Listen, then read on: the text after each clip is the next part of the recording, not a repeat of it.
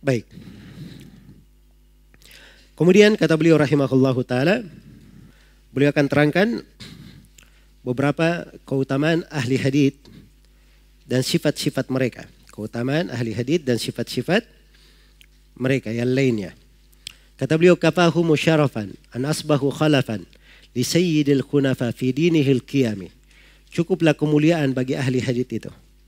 Mereka ini menjadi para pewaris, para khalaf, para pengganti untuk Sayyidil Hunafa, pemimpin orang-orang yang bertauhid. Siapa pemimpin orang-orang yang bertauhid? Syekh Nabi Muhammad sallallahu alaihi wasallam. Fi dinihil qiyami. Di dalam agama yang yang lurus. Iya. Dan ini sudah berlalu ya dari keutamaan ahlul ilm di fadlul ilm. Tapi di sini beliau ingatkan bahwa ahli hadith, orang yang masuk di dalam hadith, ya cukup sebagai mereka keutamaan sebab mereka ini menjadi pelanjut terhadap agama Nabi Muhammad sallallahu alaihi wasallam. Bagaimana keadaan mereka? Iya. Ini pembahasan berikutnya. Kaunuhum khalafan li Rasul sallallahu alaihi wasallam berikutnya yuhyuna sunnatahu min ba'dihi. Mereka menghidupkan sunnah beliau setelah Nabi. Yuhyuna sunnatahu min ba'dihi falahum ula bihi min jami'il khalqi falahum aula bihi min jami'il khalqi kullihimi. Mereka ini menghidupkan sunnah Nabi Shallallahu Alaihi Wasallam setelah Nabi. Maka mereka ini yang paling berhak terhadap Nabi dari seluruh makhluk. Ini keutamaan ahli hadith. Pertama mereka menghidupkan sunnah. Karena mereka menghidupkan sunnah Nabi, maka yang paling berhak terhadap Nabi adalah siapa? Ahli hadith, itu yang paling dekatnya. Itu yang paling dekatnya. Iya. Karena itu terhadap Nabi Ibrahim alaihissalam, umat yang paling dekat kepada Nabi Ibrahim adalah umat Islam, bukan Yahudi, bukan Nasara.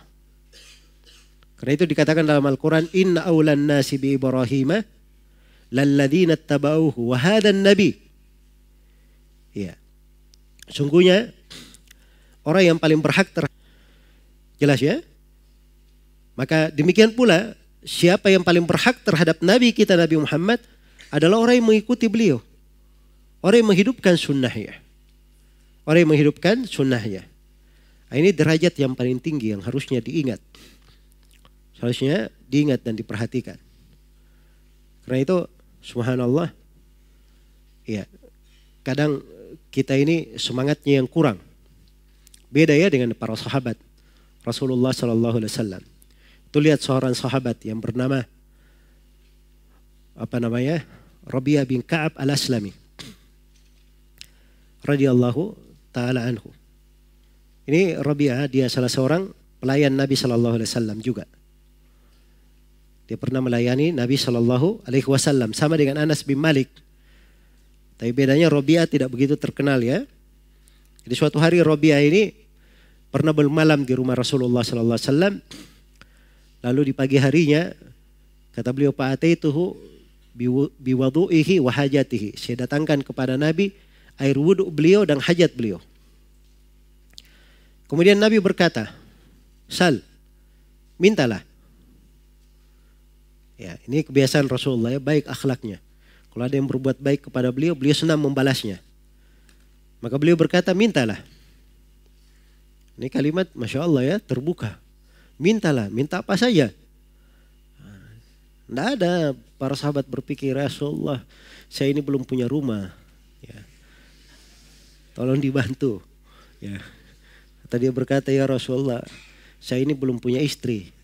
Ya, tolong diberi syafaat, dipilihkan yang cocok. Tidak ada berpikir begitu mereka, subhanallah. Apa permintaannya? Kata sahabat ini, As'aluka murafaqataka fil jannah. Ya Rasulullah, saya memohon kepadamu supaya bisa menemani kamu di sorga. Subhanallah. Siapa yang berpikir seperti ini? Iya. Bisa menemani Rasulullah di mana? Di sorga.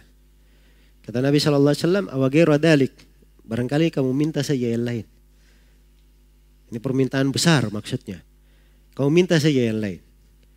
Kata Rabia, huwa dak ya Rasulullah. Itu saya yang inginkan. Kata Nabi, Pa'ainni ala nafsika bikathrati sujud. Kalau begitu bantulah saya supaya saya mohon kepada Allah untuk permintaan kamu ini. Bantu saya untuk dirimu sendiri. Dengan cara engkau memperbanyak sujud kepada Allah subhanahu wa ta'ala. Jadi ini isyarat ya bahwa ada sebab yang dengannya seseorang itu bisa dekat dengan Nabi Shallallahu Alaihi Wasallam. Ini sahabat mulia, dia sudah dekat dengan Nabi, pengikut Nabi.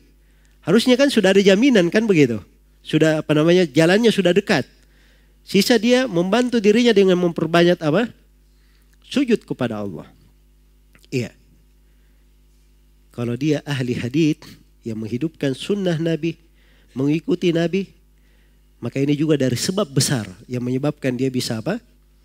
Bersama Rasulullah Sallallahu Alaihi Wasallam. Karena itu jangan diluputkan ya. Ini dari pembahasan-pembahasan penting dari apa namanya ta'zimul ilm, pengagungan ilmu yang harus ada di dalam dada.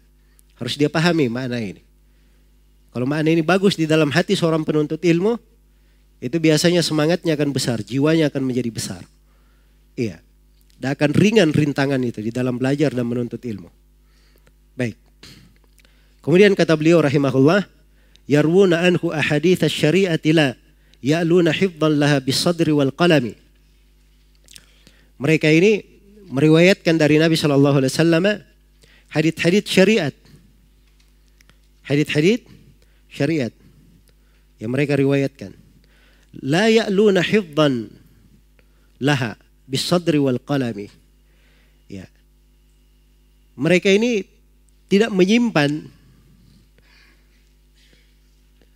sebuah kemampuan, sebuah Eh, sebuah upaya kecuali dia habiskan di dalam menghafal hadis Rasulullah sallallahu alaihi wasallam. Jadi la ya'luna ini kalau dibahasakan bebas maksudnya mereka mengarahkan segala usaha dan upayanya, segala kemampuannya di dalam menghafal, di dalam menjaga hadis-hadis Rasulullah. Penjagaannya dengan dada dan dengan pena. Sebab dari dulu itu penjagaan terhadap ilmu itu memang dua. Karena itu ahli hadith bahatnya abdobat ada dua. Ada dobtu sodrin dan ada dobtu kitab. Ya, dia jaga ilmunya dalam bentuk di dadanya. Artinya ilmu itu dihafalkan, hadith-hadithnya dihafalkan. Di mana dia mampu menghadirkan hadith itu kapan dia kehendaki. Itu menghafal namanya. Nah hafalan itu itu tidak ada hafalan kecuali dengan itqan. Dia mungkin bisa dihadirkan kapan dia inginkan. Dan tidak ada itqan seorang tidak bisa seperti itu kecuali kalau dia selalu apa? Mengulanginya selalu dia meroja ya maka ilmu itu seperti itu. Ini yang pertama ya dia jaga dengan hafalan. Dan yang kedua dijaga dengan pena dengan kitab maksudnya. Jadi hadit itu ditulis. Ditulis jadi kalau dia tidak hafal diambil dari guru dia tulis dia pelihara haditnya. Tapi bukan sekedar ditulis. Dia benarkan tulisannya. Jadi begitu etikanya, kalau dikatakan buku seseorang itu sudah benar, ilmunya sudah benar di bukunya, bagaimana caranya? Caranya ketika dia selesai menulis, dia cocokkan yang dia tulis dengan bukunya guru. Dia cocokkan semuanya. Kalau sudah cocok, selesai. Berarti kitabnya sudah apa? Sudah benar. Kalau tidak dia cocokkan dengan buku murid yang sudah mencocokkan dari guru. Atau dia cocokkan dari beberapa murid yang hadir, yang hafal sampai benar. Meyakinkan bahwa ini tulisannya sudah apa? Sudah benar. Nah, begitu cara mereka dahulu. Karena itu para rawi itu di semenjak dahulu ada rawi yang punya hafalan saya, dia tidak mau menulis. Seperti Asyabi. Itu Asyabi cuman menghafal. Sampai beliau berkata, maka tabtu sauda alal bayda. Saya tidak pernah menulis hitam di atas putih. Jelas ya? Nah ini trik ada di kalangan ahli hadith dahulu. Cuma ini ada kelemahannya. Sebab manusia pasti banyak lupanya kan begitu. Ya. Dan Syabi sendiri beliau berkata luput dari saya atau saya lupa dari hadith-hadith. Andai kata yang saya lupa itu dihafal oleh seseorang dia menjadi alim dengannya. Iya. Artinya apa? Asyabi ini ilmunya luas sekali. Banyak sekali yang dia hafal. Yang dia lupa saja kalau dihafal oleh orang jadi alim. ya, saking banyaknya yang dihafal oleh siapa? Asyabi ini. Ya. Puluhan sahabat masih hidup, Asyabi sudah dimintai fatwa. Saking apa namanya? dalamnya ilmu Asyabi rahimahullah. Dan ada sebagian ulama dia tidak punya hafalan tapi dikatakan sahihul kitab. Ini si alim kitabnya sahih. Seperti misalnya Jarir bin Abdul Hamid Ad-Dabbi, seorang rawi, itu ada riwayatnya dalam Bukhari dan Muslim. Karena kitabnya sahih. Kitabnya sahih. Tapi kebanyakan ahli hadith dia gabungkan dua hal. Dia menghafal, dia juga apa? Menulis. Nah, ini kebanyakannya seperti itu. Seperti Imamul Bukhari, Imam Muslim, Imam Ahmad. Ya, seperti itu cara mereka. Menghafal dan apa? Menulis. Jadi kalau dia ragu hafalannya, dia kembali ke mana? Ke kitabnya. Kembali ke kitabnya. Nah, ini yang paling kuatnya. Ya. Dan biasanya kalau penggabungan, nah itu beraneka ragam caranya. Ada yang menulis lengkap, ada yang menulis ujungnya saja. Ujung sanatnya saja. Dia tidak tulis kelanjutannya, sebab kelanjutannya dihafal. Cuman untuk mengingatkan ujungnya saja. Iya, subhanallah. Jadi seperti itu para ulama. Jadi mereka ini ahli hadith meriwayatkan hadith-hadith syariat. Dia kerahkan seluruh upayanya dalam apa menjaga hadith tersebut. Dengan dada, dengan hafalan, dan dengan pena. Yang puna anha intihal al-mubtilina wa rifil gulati wa ta'wilil wa ta'wilal gawiyil laimi. Ya, mereka menafikan dari agama ini jalannya ahlul batil, tahrifnya orang-orang yang ekstrim dan takwilnya orang yang tersesat lagi tercelah. Inilah yang kita baca tadi ya dari hadis yang sudah berlalu. Ilmu ini disandang oleh setiap generasi oleh orang yang adilnya. Yang punaan tahrif al-ghalin mereka menafikan dari ya tahrifnya orang-orang yang melampaui batas wantihal al mubatilin dan jalannya orang-orang ahli batil wa ta'wil al jahilin dan takwilnya orang-orang jahil. Iya. Baik. Dan ini seperti yang saya sebutkan tadi, tiga sifat. Tiga sifat ini sumber permasalahan. Orang-orang menyimpan dalam ilmu. Ekstrim, ya, menempuh jalan yang batil, bikin jalan sendiri, dan takwilnya orang-orang jahil, kejahilan. Iya. Ada orang yang kadang berilmu tapi mengikuti hawa nafsu. Nah, ini kadang dia masuk ke dalam ahlul batil. Dan kadang dia ekstrim, berlebihan. Ekstrim.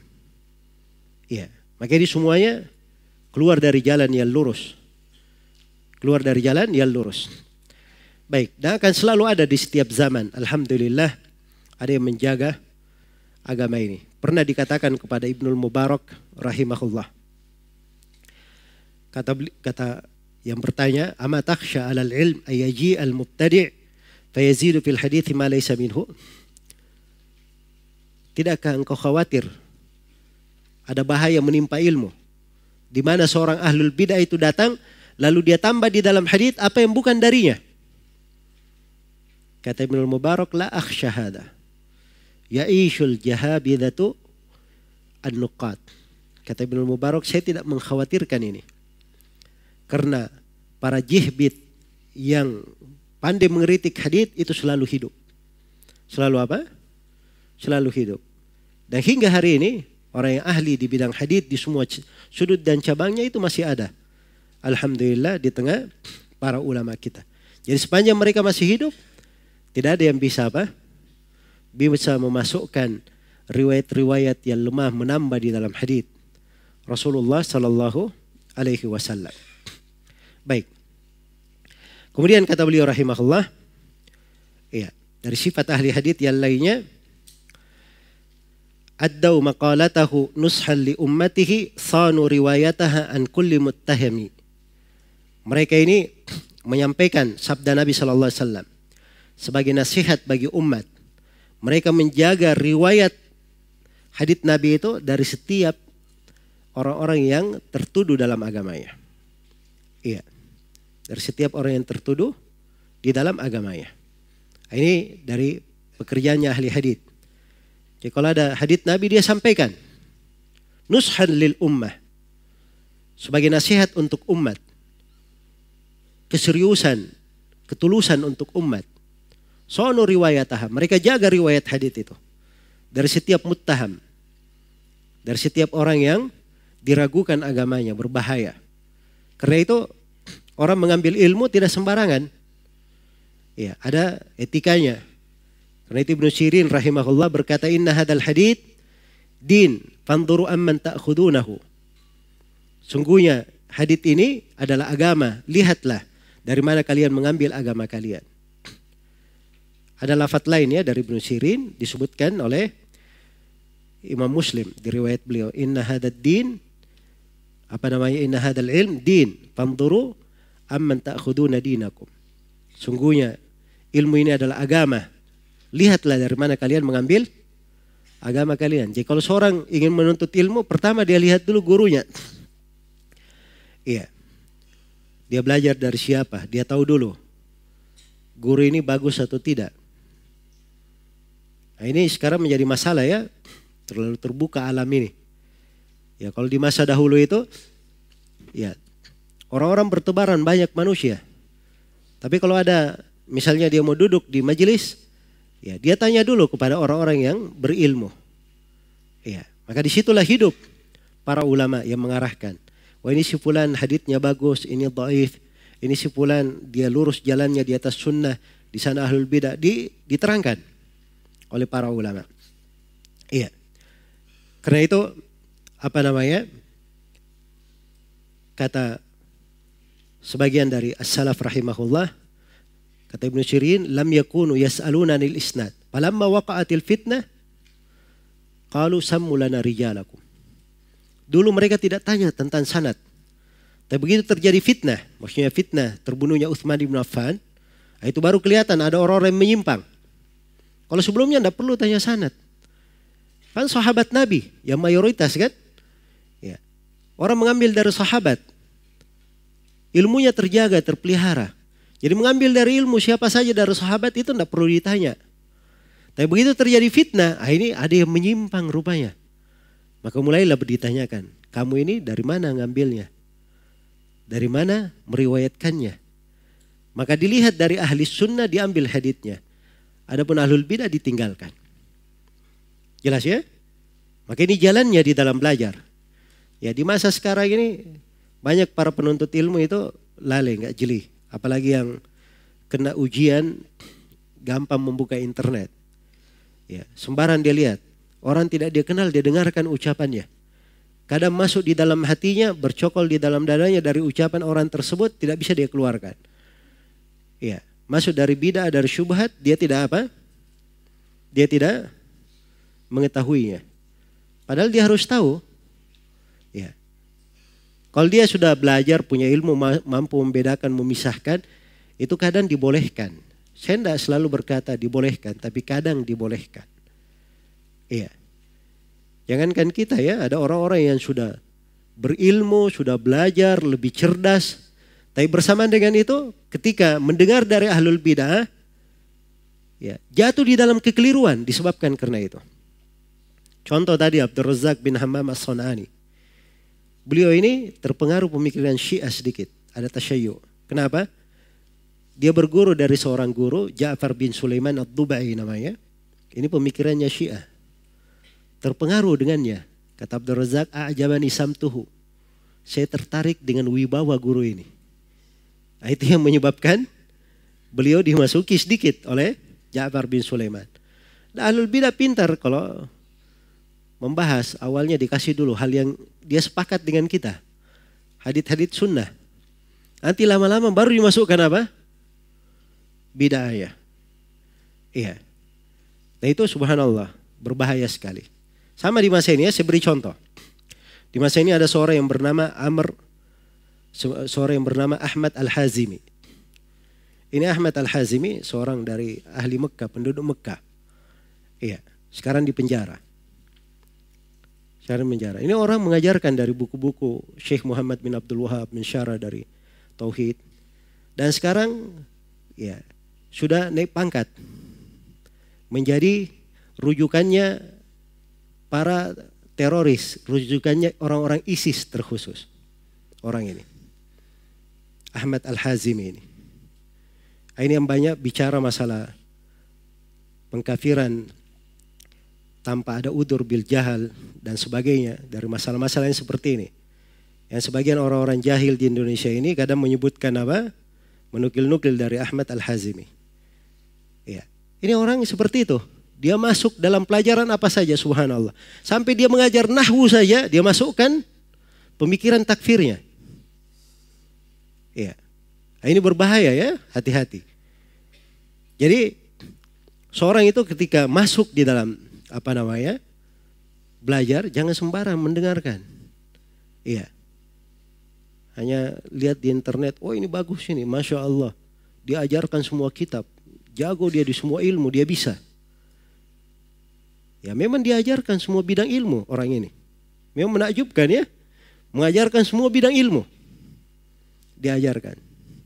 Tapi itu, hati-hati. Ketika seorang tidak di atas jalan, seperti itu bentuknya.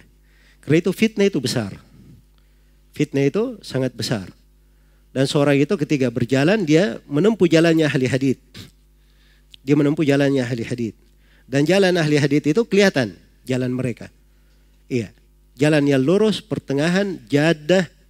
Iya. Sudah kelihatan, itu yang ditempuh oleh kebanyakan ulama. Karena itu mengambil ilmu, hendaknya seorang harus tahu dari mana dia mengambilnya. Apalagi dia baru belajar. Baru belajar bagaimana dia menimbang ini ini baik, ini ini salah. Ini benar, ini keliru. Dari mana dia tahu? Baik. Kemudian berikutnya dari keutamaan ahli hadith kata beliau rahimahullah lam yulhihim qattu min malin wala khawalin wala ibtiya'in wala harthin wala na'ami. Iya. Mereka tidak dilalaikan oleh dunia. Tidak dipalingkan oleh dunia. Kata beliau rahimahullah, lam yulhihim qattu. Mereka ini sama sekali tidak pernah dilalaikan. Iya, min malin oleh harta.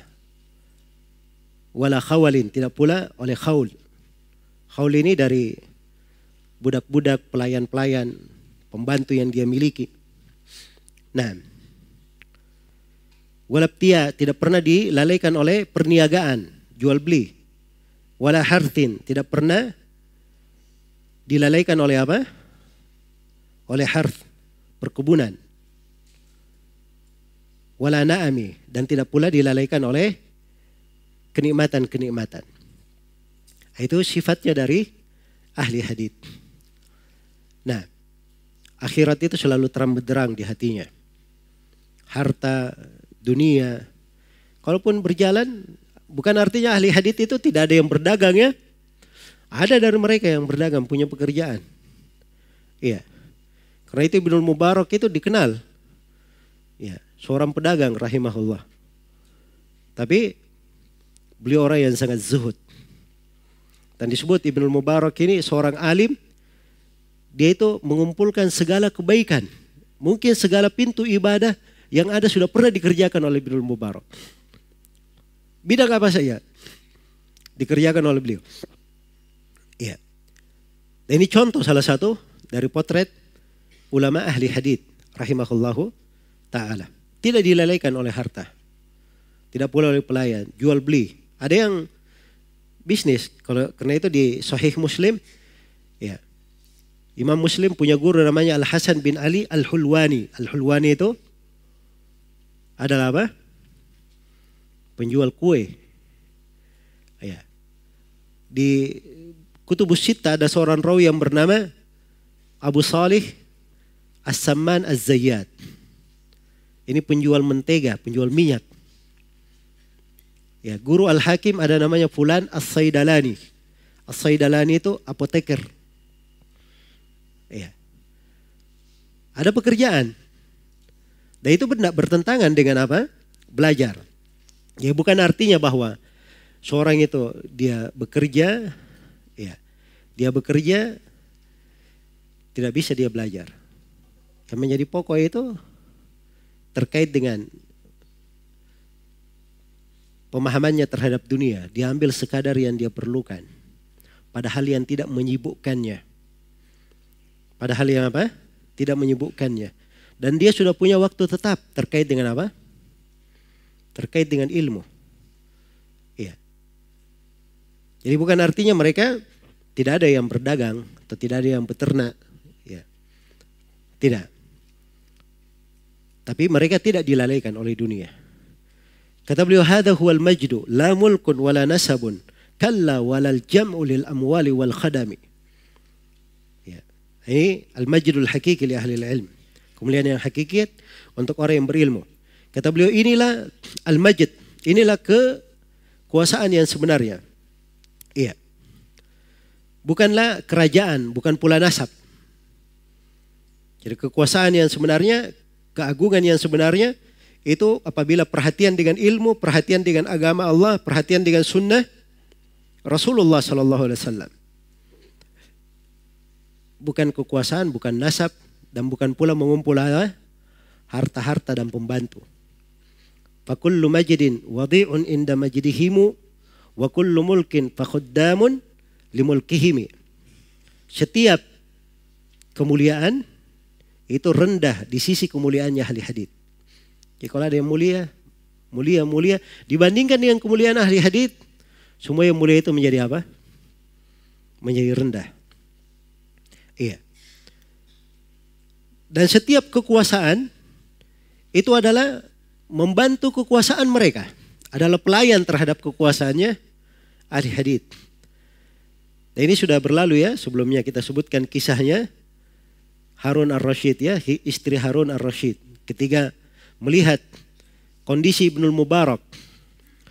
Ya, Ibnul Mubarak rahimahullah seorang alim dari negeri Khurasan. Ketika beliau masuk ke kota Rakkah, disambut oleh penduduk negeri. Ya. Disambut oleh apa? Penduduk negeri. Ini istri Harun ar-Rashid dari istana, dia lihat. Dari kejauhan ada orang diikuti oleh banyak manusia sampai debu itu mengepul ke atas. Ya. Mereka punya sendal copot, dibiarkan saja. Jangan sampai luput dengar orang di depan ini. Ketika ditanya siapa ke orang ini? Istri Harun al-Rashid bertanya. Maka pengawal menjawab, ini Abdullah ibn Mubarak, alimnya negeri Khurasan, datang berkunjung ke Rakkah. Disambut oleh manusia. Kata beliau, inilah ilmu. Apa inilah kekuasaan. Bukan kekuasaannya Harun al-Rashid. Yang berkuasa dengan tentara dan pelayan. Iya. Kan begitu? Adapun Ibnu Mubarak, dia menguasai hati manusia. Manusia datang berkumpul di sekitarnya, menyambutnya. Bukan karena dia punya apa-apa. Orang perlu kepada apa? Kepada ilmunya. Iya. Pernah ditanyakan oleh Hajat bin Yusuf kepada penduduk Basra. Wahai penduduk Basra, siapa yang berkuasa di tengah kalian? Maka orang-orang menjawab, Al-Hasan Al-Basri. Dengan apa dia memimpin kalian? Hasan Al-Basri dengan ilmunya. Orang perlu kepada ilmu Al-Hasan Al-Basri sedangkan Al-Hasan tidak perlu kepada mereka. Tidak perlu kepada mereka. Inilah kekuasaan yang sebenarnya. Kekuasaan yang sebenarnya. Karena itu ahli hadith diperlukan oleh semua manusia. Diperlukan oleh semua manusia. Dia hidup di dalam sebuah negeri, negeri itu perlu kepadanya. Hidup di dalam sebuah pemerintahan, pemerintahan itu perlu kepadanya. Dan dia tidak perlu kepada manusia. Sebab dia sudah ada pekerjaan sendiri, menyampaikan ilmu kepada manusia, dia tidak perlu kepada dunia siapa pun. Dia tidak perlu kepada dunia siapa pun. Nah, itu sifat dari ahli hadith. Karena itu kata beliau, setiap kemuliaan itu rendah di kemuliaannya ahli hadith. Dan setiap kekuasaan itu sebenarnya melayani kekuasaannya mereka. Kekuasaannya ahli hadith. Kemudian kata beliau wal amnu wan nur wal fawzul azim lahum yaumal qiyamati wa bushra wal bushra li hizbihim. Ya, rasa aman, cahaya dan keberuntungan serta kabar gembira pada hari kiamat untuk ahlul ilm. Al-amnu keamanan, wan nuru cahaya.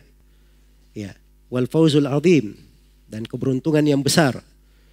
Lahum untuk ahli hadith yaumal qiyamah pada hari kiamat wal bushra li hizbihim dan kabar gembira untuk hizib mereka. Ini empat keutamaan ya. Empat hal. Dan ini sudah berlalu semuanya. Kita terangkan kemarin di mana? Di keutamaan ilmu. Ada pun yang pertama al-aman, Ilmu itu adalah keamanan karena dia adalah keamanan di mana? Di dunia dan di akhirat. Alladzina amanu wa lam yalbisu imanahum bidzulmin ulaika lahumul amnu wa hum muhtadun. Orang yang beriman dan tidak menodai keimanannya dengan kezaliman, kesyirikan, mereka inilah yang mendapatkan keamanan dan mereka selalu di atas petunjuk. Cahaya. Ini cahaya sudah berlalu ya bagaimana cahaya ilmu. Al-Fauzul Azim di berbagai ayat disebutkan wadalikal fauzul azim itu terkaitnya dengan ilmu. Wal busyra hayatid dunya, kabar gembira untuk mereka di sakaratul maut diberi kabar gembira di hari akhirat, di hari kiamat diberi kabar gembira. Dan ini kaitannya dengan orang-orang yang berilmu. Baik. Kemudian kata beliau rahimahullah, "Fa aradta ruqiyan nahwa rutbatihim rumta majdan rafi'an mithla majdihim fa'mit ila sulamit taqwa alladhi nasabu was'at bi azmin wa jiddin mithla jiddihim wa akuf ala sunnatil muthla kama akafu hifdhan ma'al kashfi an tafsiriha wa dumi. Ya. Ini dari inti pembahasan wasiat beliau juga di sini. Setelah kita kenal berbagai keutamaan ahli hadith ini, ya tentunya jiwa itu ingin mendapatkan keutamaan yang seperti ini. Maka beliau terangkan, Faida aratta, fain aratta rukiyan nahwa rutbatihim. Kalau kamu ingin meningkat tinggi seperti tingkatan mereka, derajat mereka, warum tamajidan rafi'an mitla majidihimi dan kamu menghendaki kemuliaan yang tinggi seperti kemuliaan mereka, caranya apa? Yang pertama, fa'mit ila sulamit taqwa alladhi nasabu. Kamu menuju kepada tangga ketakwaan yang mereka pasang. Itu tangga takwa namanya. Ikuti maksudnya jalannya para ulama ahli hadith. Tapaki jalan mereka. Nah, di sinilah perlunya kita ya mengenal siapa ulama ahli hadith itu. Apa buku-buku mereka. Apa yang mereka ajarkan. Bagaimana ilmu mereka. Ya.